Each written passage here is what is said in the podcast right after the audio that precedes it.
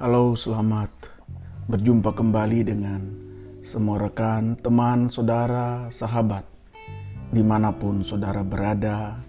Saya kembali menyapa saudara lewat kisah inspiratif yang saya tuang dari pengalaman hidup saya. Kali ini saya berikan judul Teriakan Tolong dengan Cara Mereka. Saudara lorong menuju WC tidak terlalu lebar, cukup dua orang berpapasan. Di lorong itu tersebut terdapat tiga ruang WC baik untuk orang tua, wanita, dan pria, sesuai dengan gendernya. Di samping WC pria ada wastafel dan sebuah cermin yang cukup besar. Nampak bersih setiap ruangan itu dan juga wastafel sehingga tidak heran setelah ibadah jemaat suka memakainya. Sambil merapikan rambut, sedikit memerhatikan saya yang berdiri di sampingnya.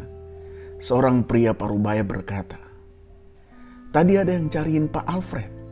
Oh, siapa Pak? Tanya saya penasaran. Tapi saya sudah atasi Pak. Yang pasti bukan jemaat kita. Ia mau minta Pak Alfred bantu uang dilanjutkannya. Tetapi tidak usah dipikir Pak. Saya sudah tangani ketika saya memberikan uang kepada beliau, saya ajak berdoa dulu. Sesudah itu saya berikan dan berpesan kepadanya supaya dipakai dengan baik karena pemberian ini adalah berkat Tuhan. Jika dipakai karena menipu dan untuk menipu, Tuhan tahu dan sedang melihatnya. Wah, terima kasih banyak Pak untuk penjelasannya. Demikian saya berucap meresponi percakapan kami. Dan kemudian kami menuju ruang ibadah karena ibadah jam 9.30 akan segera dimulai. Saudara kehidupan yang keras, hidup yang sulit mendapatkan makanan, pekerjaan yang tidak banyak menghasilkan uang, dan kemiskinan tentu masalah-masalah yang terus menggurita dan perlu dipecahkan. Ada kalanya rasa curiga muncul kepada sesama yang datang mencari bantuan di tempat ibadah dengan sekedar ikut beribadah tetapi di pihak lain. Teriakan batin mereka dan kesesakan hidup adalah sebuah soal yang patut dijawab. Kalau Tuhan Yesus pernah mengidentifikasikan dirinya dengan orang kecil, miskin, terbuang dan terabaikan. Jangan-jangan dalam masa lilitan beban hidup ini. Tuhan hadir secara tersembunyi melalui sesama yang sedang berteriak minta tolong dengan cara mereka itu.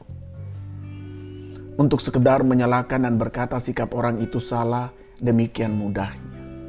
Tetapi tentu tidak semua orang mau memilih hidup dengan jalan yang demikian.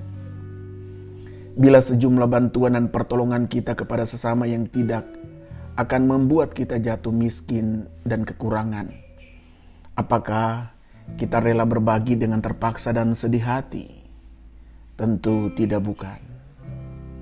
Andaikan tangan Tuhan terulur lewat mereka yang terjebak dalam kerasnya kehidupan ini. Maukah kita menyambutnya dengan penuh rasa kasih hormat dan ramah terhadap mereka? Tuhanlah yang pernah bersabda, Kasihilah samamu manusia seperti dirimu sendiri. Ia juga berkata, lebih berbahagia memberi daripada menerima. Terima kasih jemaat Tuhan yang menyadarkan saya akan kebenaran Tuhan lewat kisah nyata di sekitar hidup kita. Dan saya percaya semua kita juga adalah orang-orang yang terpanggil untuk mau memberi dengan sukacita, dengan rela hati, bukan karena terpaksa banyak di antara teman, saudara, famili kita. Dengan cara mereka, ada teriakan batin mereka yang mungkin tidak terdengar. Kiranya Tuhan memberkati kasih dan cinta kita bagi sesama. Tuhan dimuliakan. Amin.